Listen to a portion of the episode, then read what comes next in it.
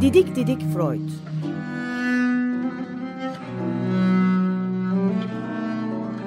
Freud'un ailevi ve tarihi romanı. Serol Teber ve Şenol Ayla. 10 yıl sonra tekrar.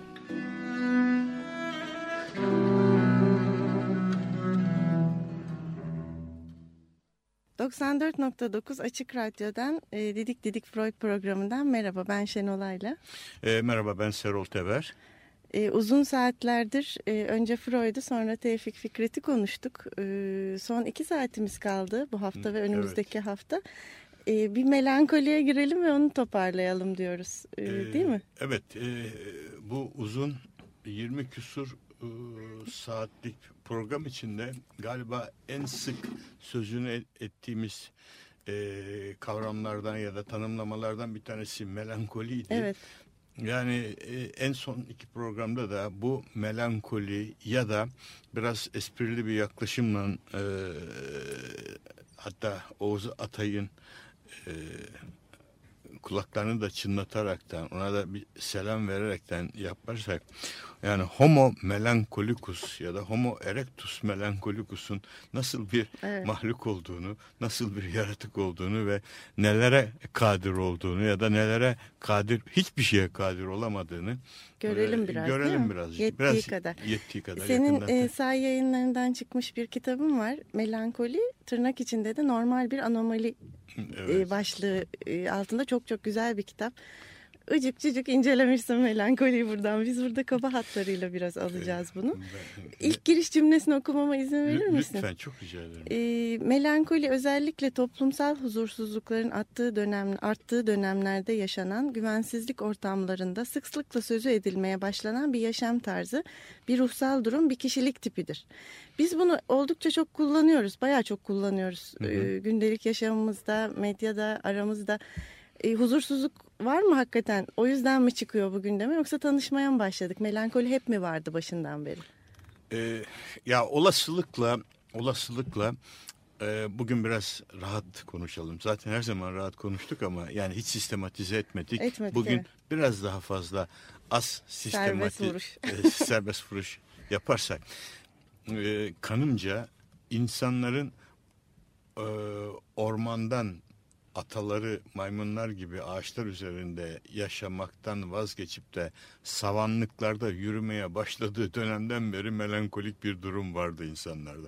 Bir kısmını, o kadar eski bir şey. O, o, o kadar. Tabii ki biz bunu yazılı belgelerle dökümünü yapamıyoruz. Bu biraz, biraz e, meta, metaforik bir yaklaşım, bir şaka, bir ironi. Ama bir hüzünlenme dönemi vardır. En azından bunun... E, harikulade bir e, filme çekilişini e, Stanley Kubrick'in 2001 e, filminden anımsarız. O ilk büyük müthiş sahne. E, anlatmama müsaade eder misin evet, acaba? O, evet. o 2001 filmi science fiction 1968'de çekilmiş yapılmış bir filmdir ve e, science fiction filmlerinin de ilki öncüsü sayılır orada. Bir uzay bir, macerası bir uzay, 2001. Evet 2001 ee, ve onun ilk sahnesinde şempanzeler bir su kıyısında e, avlanmaktadırlar. Basit e, besin maddeleriyle geçinmeye çalışmaktadırlar ve onlardan bir tanesi günün birinde ben çok kısa kesiyorum burada tabii ve hiçbir harika bir e, resör dehasıyla hiçbir sessizlik yoktur burada. Sırf doğanın kendi sesi vardır. Yani artı müzik sesi yoktur. Ve orada e, şempanzelerden bir tanesi eline bir kemik geçirir. Ve o kemikle e, bazı maddeleri çok daha çabuk kırdığını görür. Bir anlamda ilk alet yapılmıştır. Ve o sırada o su kenarından içmeye gelen başka bir grup yaklaştığı zaman da o ilk kemik parçasını diğer grubun yöneticisi durumunda olan şempanzenin kafasına vuraraktan onu öldürmeye öldürür. Yani ilk alet ve ilk ormandan radikal olarak çıkış, ilk aletin yapılması ve şempanzenin radikal olarak insanlaşması süreci başlamıştır burada. Hatta Stanley Kubrick bugün bile tartışılan bir şeyde ortaya bir siyah monolit orada arka fonda getirir ki monolitin ne anlama geldiğini bugün bile biz hala bilmiyoruz. Olasılıkla yeni bir dünya düzeni kurulmuştur demektir. Kübik bir taştı bu değil Ee, mi? evet, Siyah, evet. e, Siyah böyle bir form. şey- bir formdu. Kübik bir şeydi. Sık sık gelir o. Her düzen değişikliğinde gelir. Filmin en sonunda bile gelir ve o sırada da şey e, arka fondan esas Richard Strauss'un böyle buyurduğu Zerduş e, şey müziği bombast bir şekilde gelmeye başlar. Yani Zerdüş aklı bulmuş ve insanları akıllı olmaya doğru yönlendirmeye başlamıştır artık. İnsan akıllı olacak. Ama gel gör ki o şempanzelerin içinde bir kısmı artık bu yeni gelen düzenle birlikte büyük felaketlerin de gelmekte olduğunun sezinlemeye başlamıştır. Burada e, şeyin çok güzel bir lafı var tabii da, dahice e, Heidegger'in Heidegger e, şey yazıyor bu sürece film üzerine değil tabii o sırada zannediyorum ölmüştü bir yıl evvel kadar Hmm, şöyle diyor Werkzeug e, alet yapmak e, ama Werkzeug'la arasına o bir kendince işte Almancayı deforme ederekten çok güzel deforme ederekten çizgi çekip Werkzeug geliyor. Aleti yaptığını da gördüm aletle neler yaptığını da gördüm Hmm. anlamında. Yani Evet. ben senin nelere kadir olduğunu en başından beri gördüm. Yani eline sopayı ya da silahı geçiren insanın sırf cevizi çabuk kırmıyor. Başka şeyler de baş- geliyor. Başka şeyler de yapıyor. Yanına yaklaşmak isteyen aynı sudan içmek isteyen adamın kafasını da e, ya da he- hem cinsinin kafasını da kırabiliyor. Yani bu süreci gören, yaşayan insanla birlikte melankolik bir duygulanma. Gene burada e, Benjamin'i anımsarsak salt, salt gözleriyle değil de ruhunun gözleriyle de e, dünyayı görme, algılama süreci başladığı andan itibaren galiba melankoli süreci başlıyor ki ilk yazılı metinlerini bunun e, Homer e, destanlarında bile biz melankoli sözcüğü geçmese bile izlerini görmeye başlıyoruz. Ama Yunan trajedilerinde Sofokles'ten başlayan trajedilerde artık melankoli e, neredeyse dünya düşün e, şeyinin merkezine o- de oturuyor. Yazılı kayıtlara geçmeden önce bir parça dinleyelim. Çok e, eskiye dayandığını görüyoruz melankolinin. İlk insanın varlığından bile öncesine hatta maymuna kadar gittiğini gördük. Şimdi de yazılı kayıtlara geçelim. Homeros'ta ilk e, yazılı olmasa da belirtilmiş bir şey. Ama ondan önce Camille Saint-Saëns'ın Kuğusunu dinleyeceğiz. E, daha sonra devam edelim.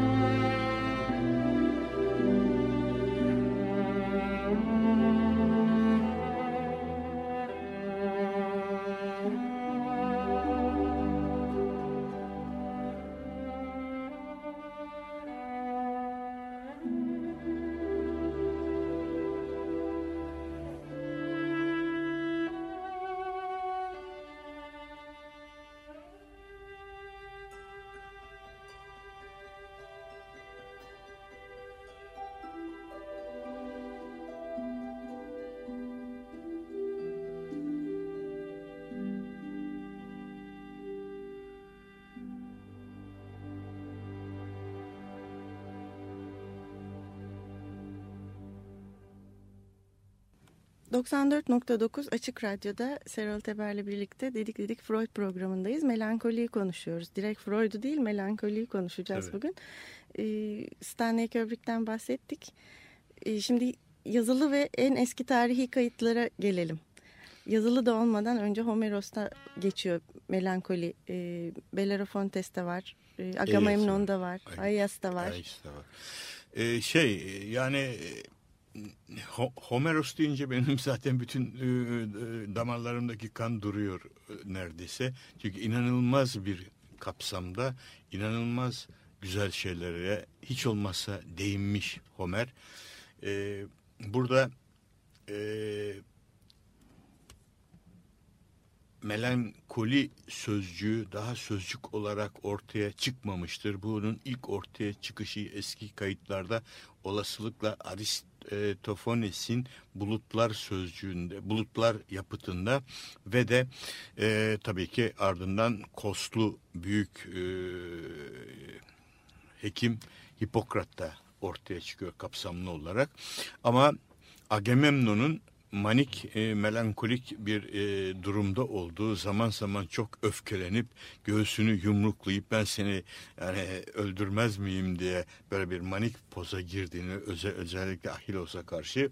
Ama zaman zaman da Ahilos'un ya da diğer arkadaşlarının Agamemnon'a karşı işte sen korkak bunak e, otur oturduğun yerde hımbıl içki e, Bir işe yaramazsın bir işe yaramazsın falan var. filan dedikleri zaman da içine kapanıp böyle e, büzülüp hiç sesini çıkarmadan kendi içi, e, söylenenleri haklı bulup e, kapandığı dönemler oluyor. Yani Agamemnon'u eğer e, işlenirse tek bir yapıt olarak, tek bir kişilik olarak çok zengin bir kişilik sergiliyor. Birkaç dizede de olsa.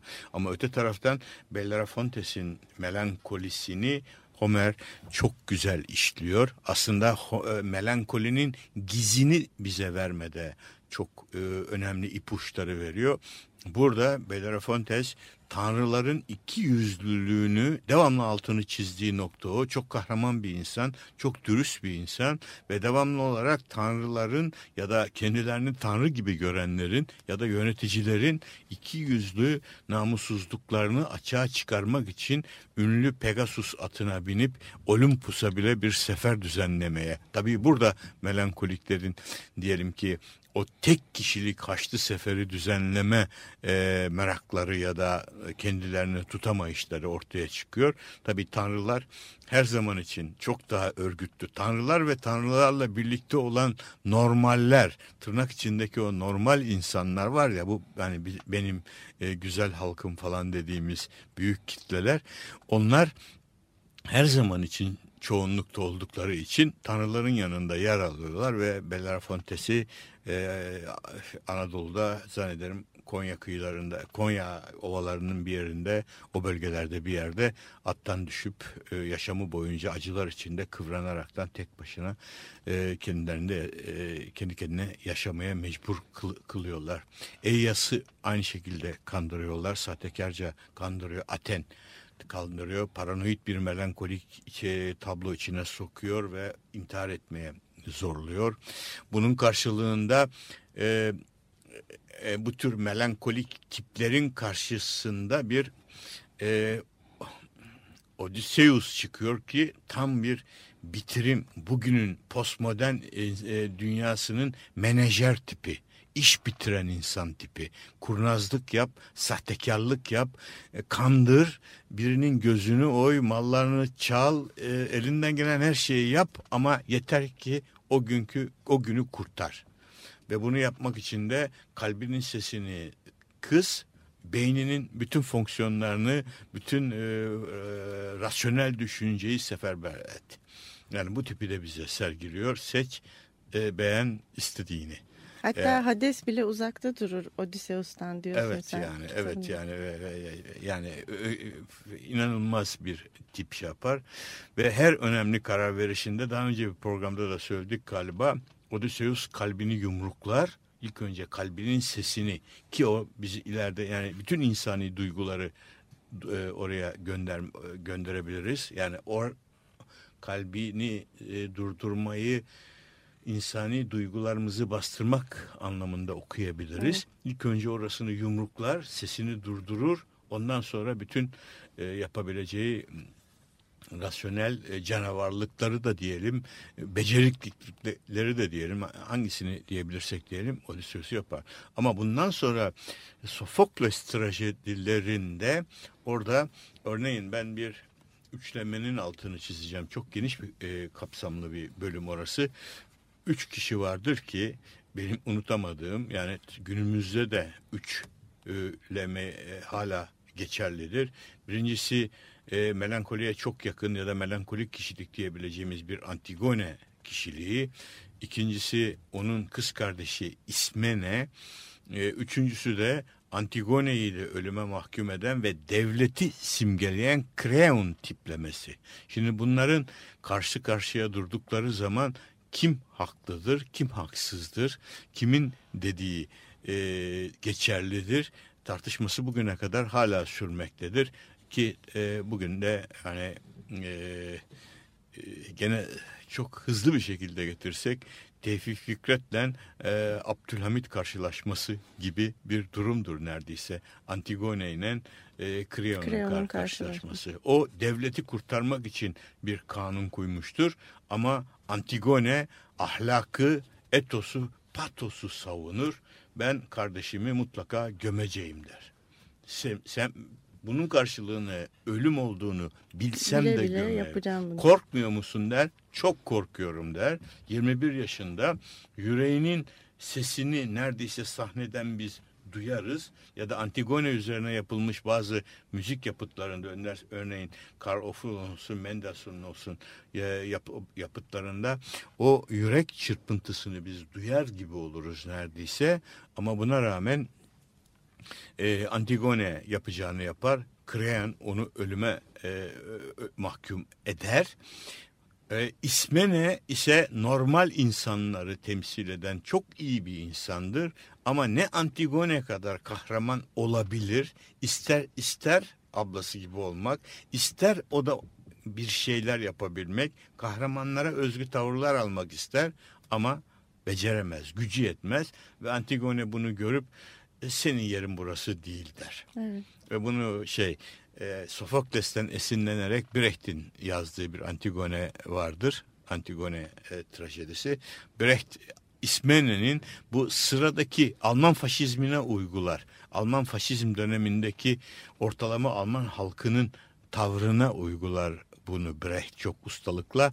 E, sen buranın yani bu kahramanlıkların insanı değilsin. Çok iyisin, çok güzelsin, saygı duyuyorum ama sen burada sev, durma. Burada durma. Sen sevgilinle, nişanlınla yani ucuz bir e, ucuz demek de ucuz Sıradan oluyor. yaşamını Sıradan sürdür. bir yaşamını yani iki yatak odası önde salon salon manje falan bir kooperatif taksitli kooperatif taksitli evlerinde e, normal bir insan yaşamını sürdür. Bu ayrı bir dünya.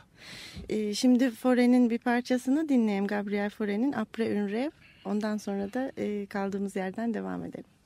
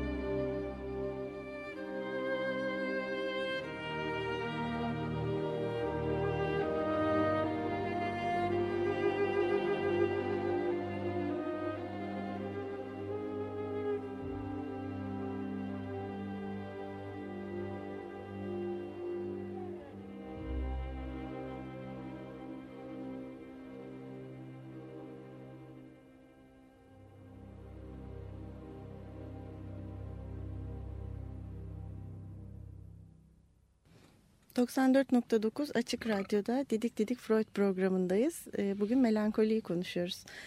Ee, Aristoteles'e gelirsek e, çok hoş bir cümlesi var. Neden ister felsefede ya da politikada, ister şiir ya da sanatta olsun olağanüstü kişilerin hepsi melankoliktirler diye soruyor. Bu çok eski senin terimin ne zaman öncesi 384-322 arasında yaşamış olan Aristoteles'in o kadar eski bir zanam, dönemde ortaya koyduğu ve hala bugün tartışılan bir şey. Öyle değil mi? Evet. Örneğin şimdi tartışıyoruz. Evet işte. şimdi tartışıyoruz. Hala çözümü bulunamayan e, ne de Aristoteles'in istediği boyutta yanıtı verilemeyen bir e, soru bu. İnanılmaz bir şey. Gene hoş bir tesadüf olacak herhalde. Aristoteles'in bu kitabı da Aristoteles'in ünlü Sorunlar kitabının içindeki 30. kitapta yer alır bu. Evet, Problem Metafizika.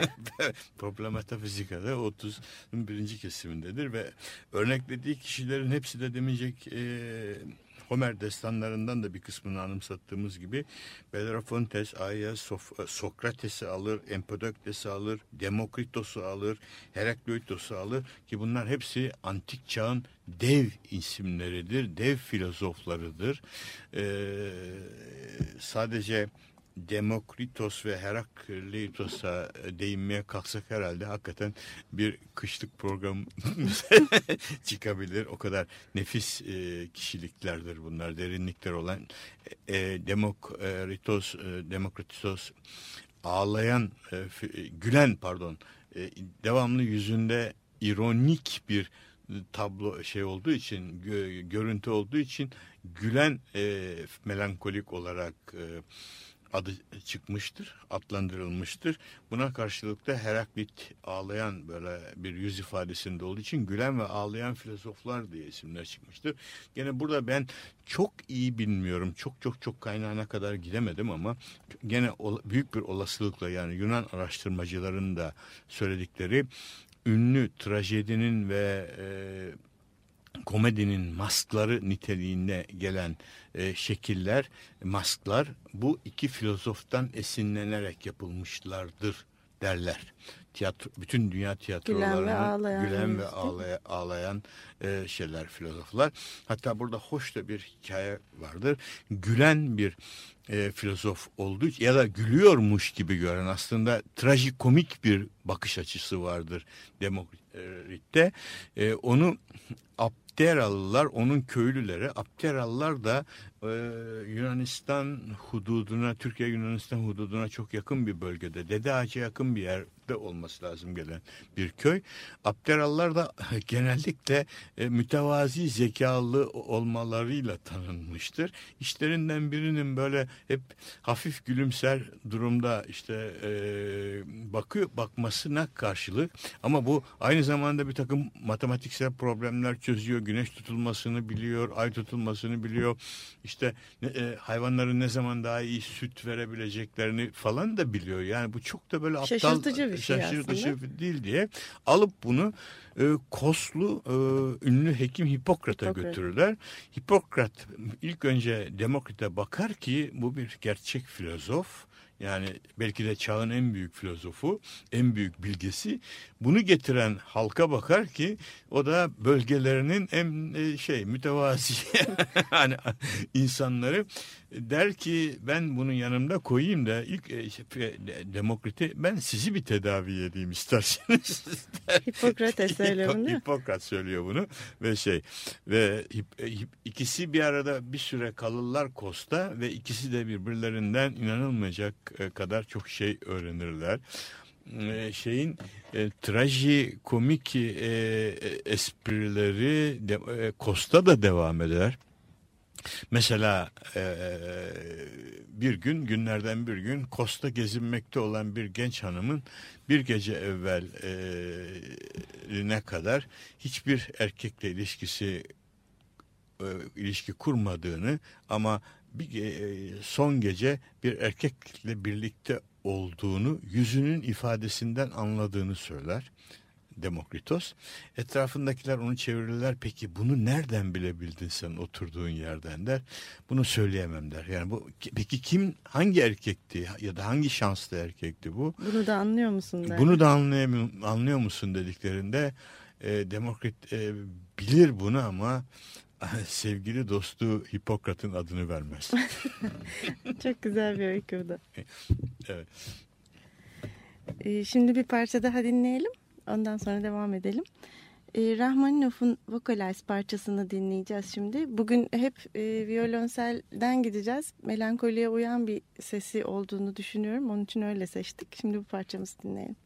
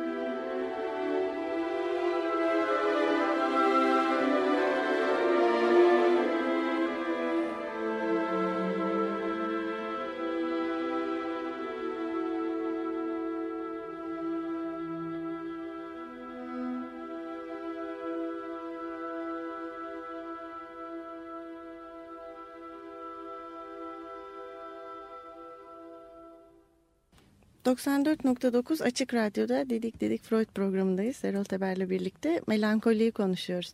Programdan önce biraz tartıştık. Melankoliye Dürer'i koyalım mı, sokalım mı, sokmayalım mı? Çünkü çok geniş bir konu. Açtık mı ucu Evet. gelmeyecek Evet. e, gibi hissettik ama atlamak da istemedik. Hayır evet. Ee, onun için şey, insafsızlık Evet. olur diye hepimizin düşündüm. çok tanıdığı bir e, Ee, gravürü var. Gravürü var.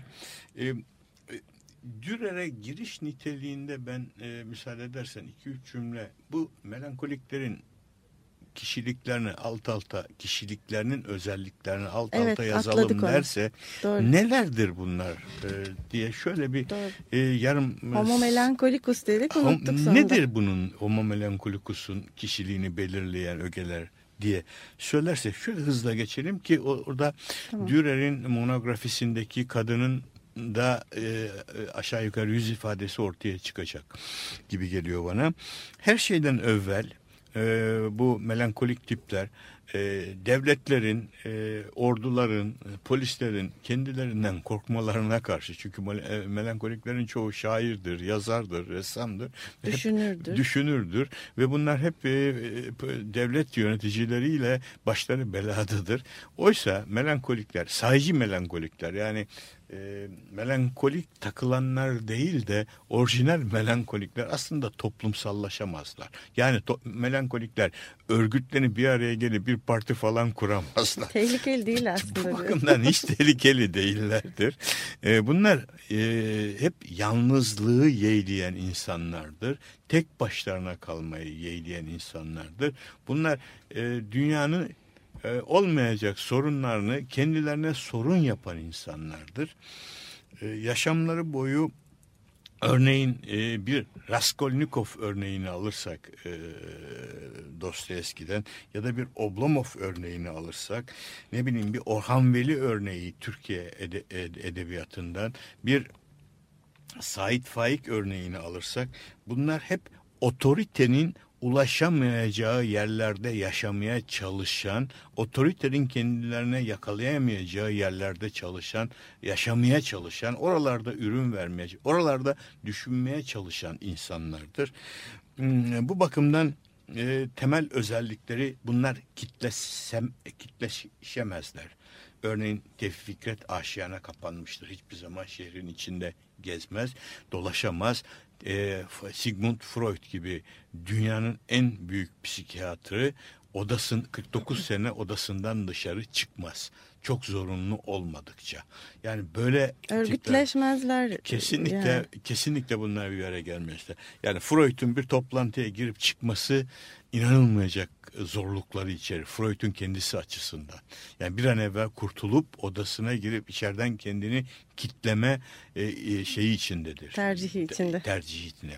Şimdi böyle bir bağlam içinde 1514'lerde ki bu, bu nedenle dolayı Orta Çağ boyunca melankolik tipler özellikle kadınlarda yoğunlaşan bu melankolik tipler cadı avı e, etkinliği altında biliyorsunuz o Engizisyonlar tarafından yakılmışlardır. Hep cadılar, cadı tırnak içinde söylüyorum bunu artık her sefer tekrar etmeyeyim isterseniz.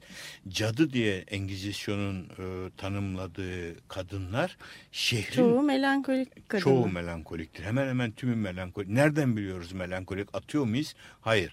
Cadılarla ilgili dosyaların, Engizisyon dosyalarının çok büyük bir bölümü elimizde var ve bu dosyaların bir kısmını okuduğumuz zaman bunları kişiliklerini tespit eden e, ne diyeyim savcı yargılamaları hepsinin melankolik tipte kadınlar insanlar olduklarını gösteriyor.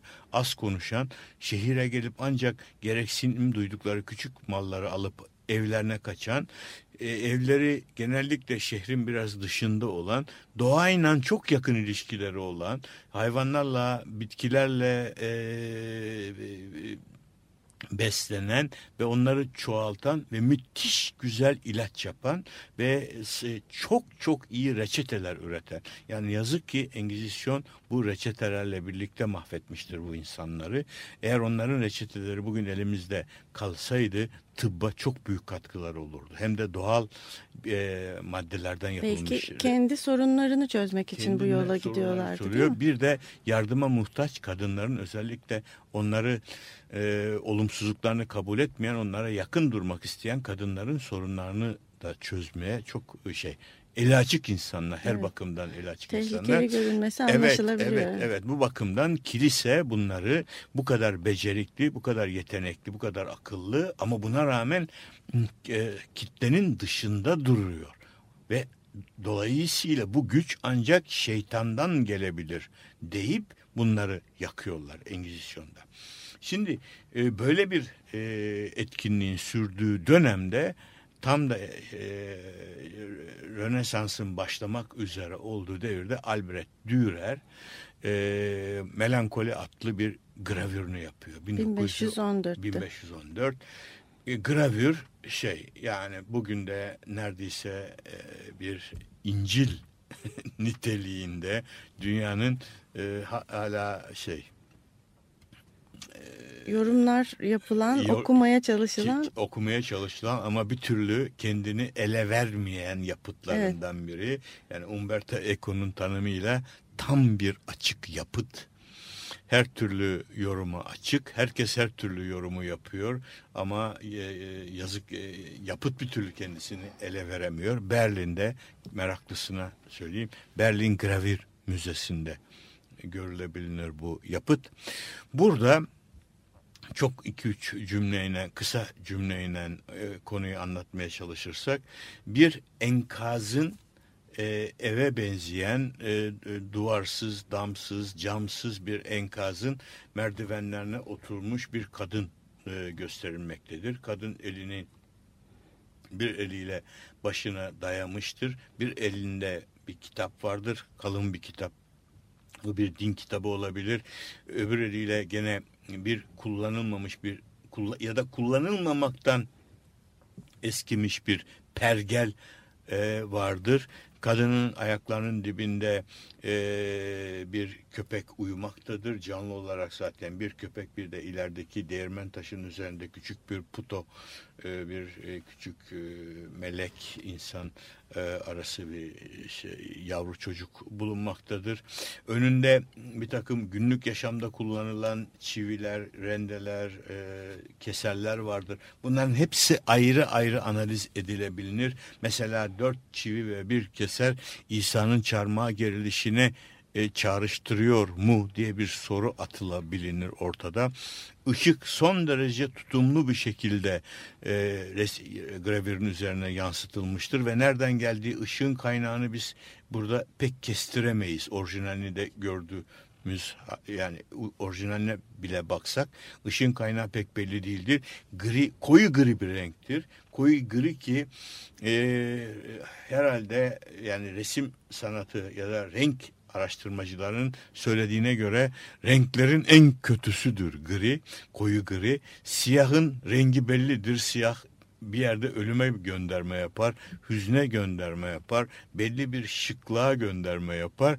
Ama koyu gri insansız bir bölgeye gönderme yapar. Umutsuz da Umutsuzluğa. Şey. Ölüm hiç, bile olmayan bir şey. Ölümün bile olmadığı bir şey, e, yer Ara yapar. Dönem. Yani Adorno'nun e, tanımıyla Niemandland diye böyle hiçbir şeyin olmadığı bir bölgenin rengidir.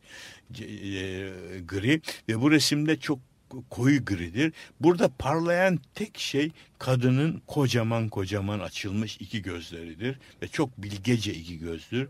Saçlarının e, taranmasından, giyiminden, kuşamından kadının bilge ve donanımlı varlıklı ve de varlıklı bir kadın olduğu görülür ama onun kendi varlığından para kesesi örneğin yerde e, ayaklarının, top, ayaklarının altında ve kadın bundan ilgili değildir. Anahtar bir e, gücün sembolüdür.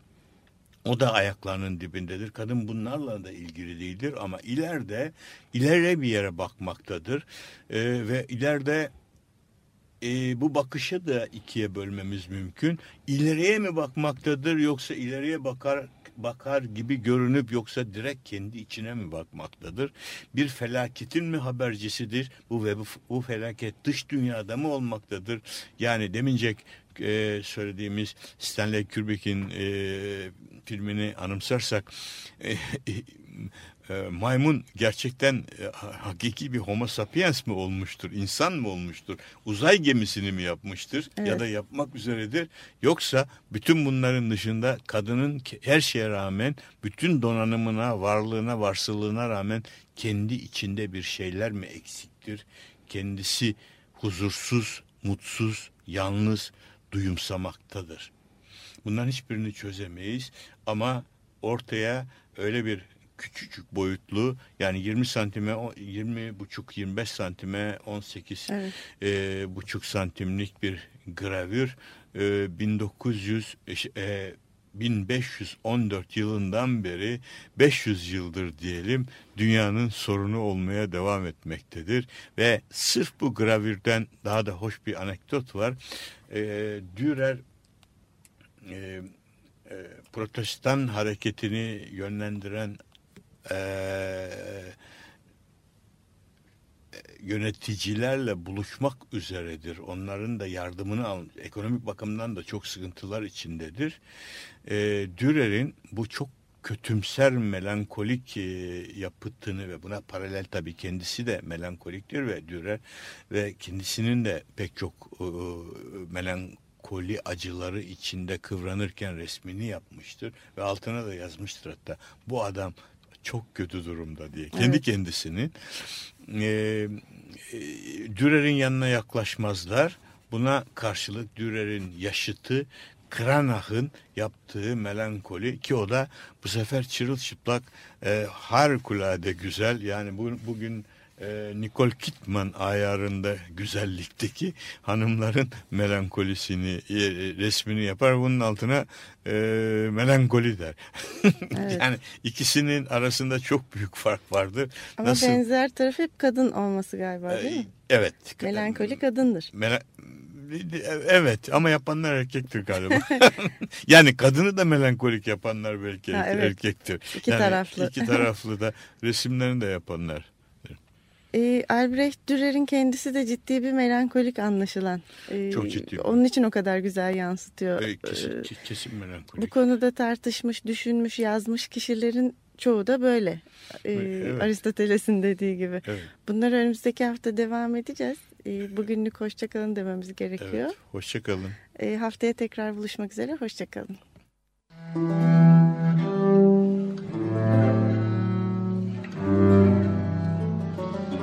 Didik Didik Freud.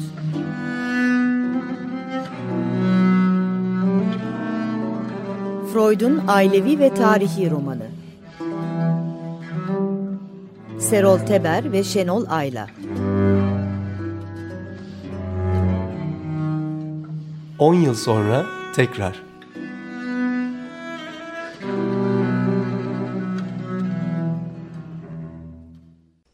Açık Radyo program destekçisi olun.